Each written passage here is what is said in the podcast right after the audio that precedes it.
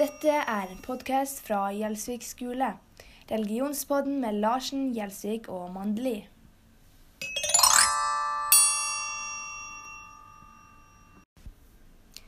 Hei, hei, og velkommen tilbake til religionspodden. I dag skal vi ta en tur innom katolsk og ortodoks kristendom. Hva er egentlig forskjellen på de to trosretningene, Vivian? Akkurat forskjellen kan vi komme tilbake til om litt. Først må vi snakke litt om historien til skilsmisser i kristendommen. Som kanskje de fleste vet, så deler jødedommen og kristendommen på Det gamle testamentet. Senere fikk kristendommen et nytt testament som heter Det nye testamentet. Men den skilsmissa, som du kalte det, hva som egentlig skjedde da? Det som egentlig skjedde i 1054, da kristendommen splitta seg og ble til katolsk og ortodoks kristendom, er ganske interessant.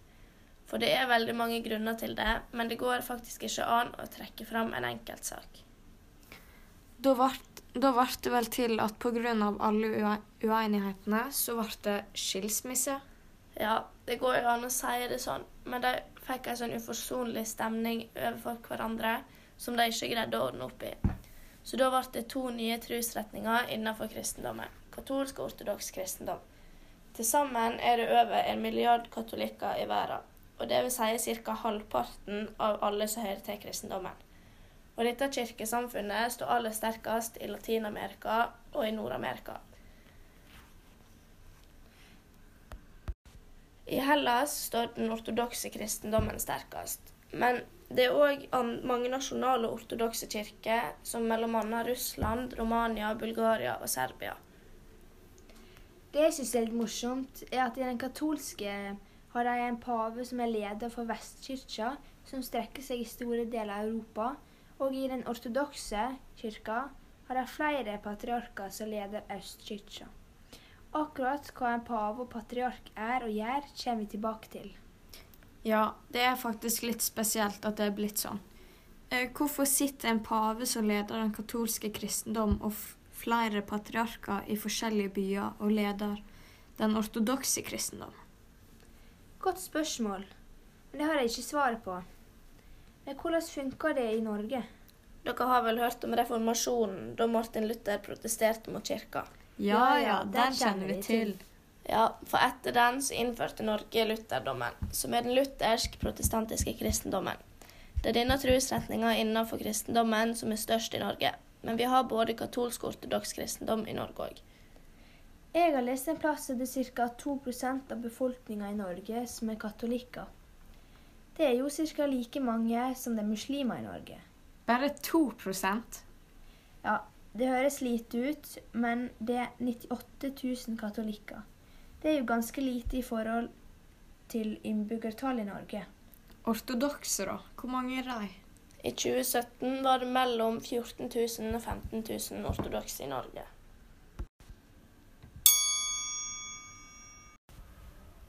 Men veit dere hva katolsk og ortodoks betyr? Eller er det kun jeg som ikke veit?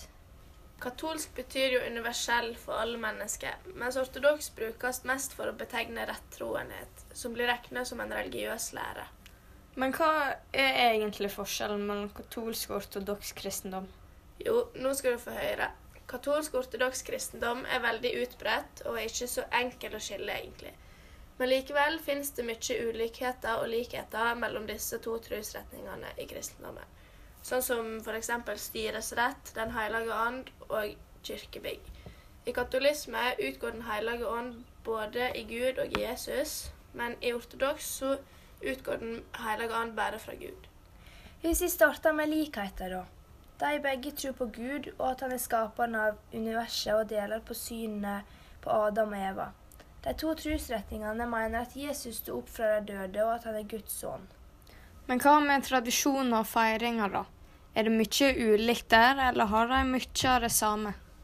Når det kommer til tradisjoner og feiringer, så er det noen som er like. Både i katolsk og ortodoks kristendom har de dåp, konfirmasjon og ekteskap. De begge feirer jo Jesus' fødsel og påske òg, som blir sett på som de viktigste. Men det blir feira på litt forskjellige datoer. Og for ortodokse er påska langt viktigere enn jul. I katolsk kristendom er jomfru Maria veldig i fokus, og de feirer mye i forbindelse med henne. I katolisme har jomfru Maria helgens status og er en veldig viktig person. Hun har helgens status i ortodoks kristendom òg, men de i katolisme ser på henne som viktigst. Men når vi først er inne på viktige personer i de to trosretningene, så kan vi jo snakke litt om paven og patriarkene. Er det paven som sitter i Roma? Ja, paven bor jo i Roma, eller i Vatikanstaten, da, som er en liten del av Roma. Og paven er jo den eneste lederen i den katolske kirka. Tenk det, da, å sitte og bestemme alt. Nei, du, jeg tror ikke det er helt sånn det funker. Han har jo mange, mange med han da noen skal bestemmes. Visste dere at paven sitter helt til han dør, hvis ikke han velger å gå av sjøl? Det er litt tøft. Og i ortodoks kristendom så har ikke de en pave, men ni patriarker. Wow!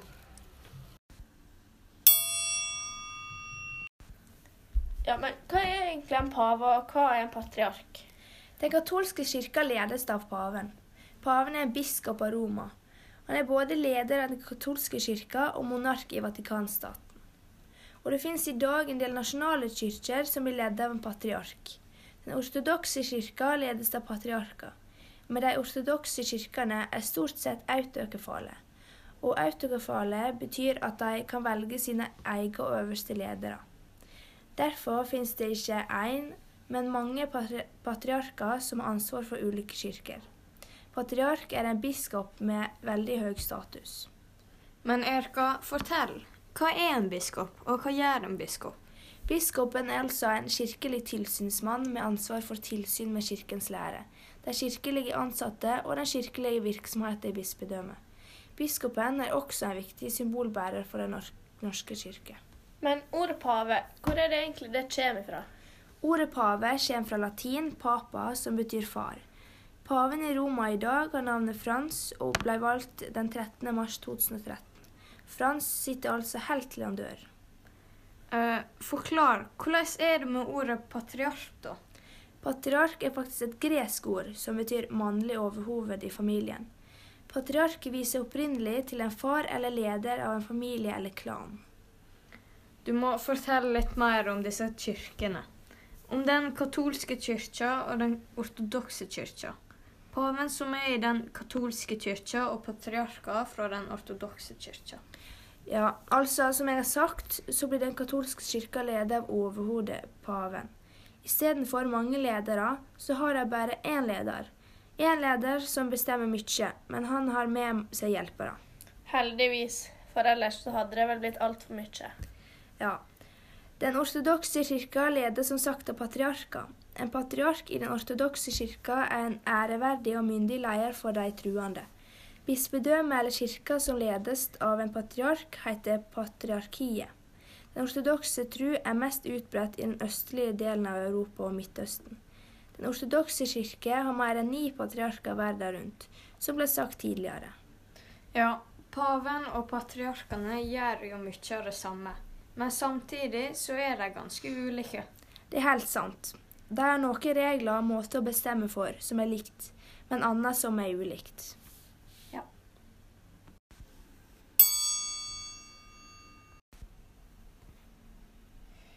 Så har vi kommet til sakramenter og liturgien i gudstjenestene. For de som ikke har peiling eller veit hva det er, så skal jeg fortelle. Et sakrament er altså et kristent rituale som gir eller symboliserer guddommelig nåde. Det blir brukt normalt av en, noe som kalles kleriker eller en diakon, prest eller biskop. Og så består den etter kristen tradisjon av både synlige og usynlige elementer. Et sakrament er faktisk et hellig rituale. Jeg har hørt at liturgi kommer fra det greske ordet liturgia, som betyr offentlig arbeid. Og det er den vanligste betegnelsen for religiøse seremonier. Gudstjenestens liturgi uttrykker trua på og tilbedelsen av den treenige Gud. I dagligtalen blir begrepet liturgi som oftest brukt om de faste ledda i gudstjenester. Men du, hva bruker en sakrament, sakrament til? Det hellige kristne ritualet? Den katolske kirka anerkjenner sju sakramenter. Og det er altså dåp, nattverd ekte vigsel, ordinasjon, konfirmasjon, skriftemål og sykesalving. Eh, sakramenter ses på som nådemidler eller hjelpemidler for å oppnå frelse. Hva er det en bruker liturgi til, da? Offentlig arbeid? Liturgi kan gjøre oss i stand til å forstå. Den hjelper oss til å tolke og forholde oss til Guds sitt nærvær og det mysteriet som frelse er. Det høres litt rart ut, da, men ledd i en vanlig høgmesse er samling, ordet, forbønn, nattverd, sendelse. Jeg visste helt ærlig ikke hva sakrament var før du fortalte meg, så nå har jeg mer peiling på det enn før. Ja, jeg syns nå det er ganske greit.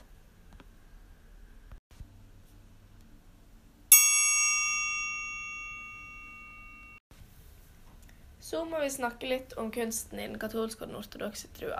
Hva veit vi egentlig om den, og hva forbinder du Erika med den katolske ortodokse kunsten? Jeg veit egentlig ikke så mye om kunsten. Jeg tenker mer på bilder og maleri bak alteret. Kanskje du veit litt om kunsten, Nora? Kanskje du forteller litt om den i den ortodokse trua? Jo, det kan jeg. Jeg veit om kun kunsten i den ortodokse trua er at bilder er veldig viktige. De er på en måte hellige, og en ber til dem. Det er bilder av Jesusbarnet og Jesus på korset. Det er òg bilder av Maria og Gud. En tror at bilder har en guddommelig kraft, så en ber, ber til dem og henger pynt av sølv og gull på dem. Det er mange bilder i kirkene, men folk har ofte bilder i heimen, heimene sine der de ber. Eh, det er brukt mye gull i bildet i den ortodokse trua. Der blir gull sett på som en guddommelig farge. Men kunsten i den katolske kristendommen, da? I den katolske kristendommen bruker de mye glassmaleri i kirkene. Gjerne bilder av Jesus eller Gud, men også bilder av jomfru, jomfru Maria. Her ser en òg mye pynt. Eksempel er det mønster i gull og farger på kappene og hattene som paven, biskopene, prestene og kard kardinalene bruker. Også på altertavlene, skriftstolene, døypefonten og andre steder kan en se ulike kunstuttrykk. F.eks. utkjøringer, gullmønster, lys, kors og statuer. Det ser en både i ortodoks og katolsk kristendom. Hvis vi sammenligner disse retningene med den lutherske kristendommen, som vi kanskje kjenner best i Norge, så er det også her vanlig med litt bilde og pynt, men kanskje ikke så mye som der. Ja, det vet vi jo fra kirkene vi har vært i, der det kan være litt bilde- og glassmaleri, f.eks. Men det virker litt enklere pynta, liksom. I islam er det ikke lov med bilde av Gud i det hele tatt. Det er rart det er med religion. Ja, det er litt rart, rart, men det er veldig forskjellig fra religion til religion.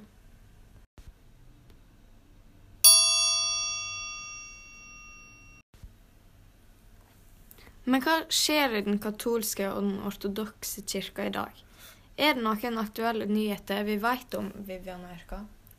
Når det gjelder nyheter fra den ortodokse kirka, så har jeg egentlig ikke funnet så mye.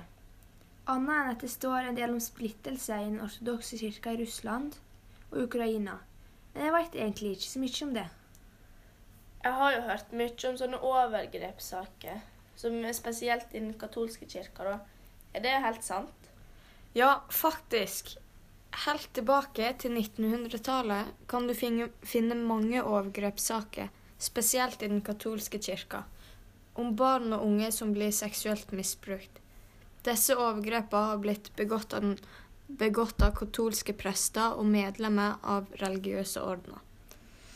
På NRK står det mange nyhetssaker om seksuelle overgrep i den katolske kirka. Det viser f.eks.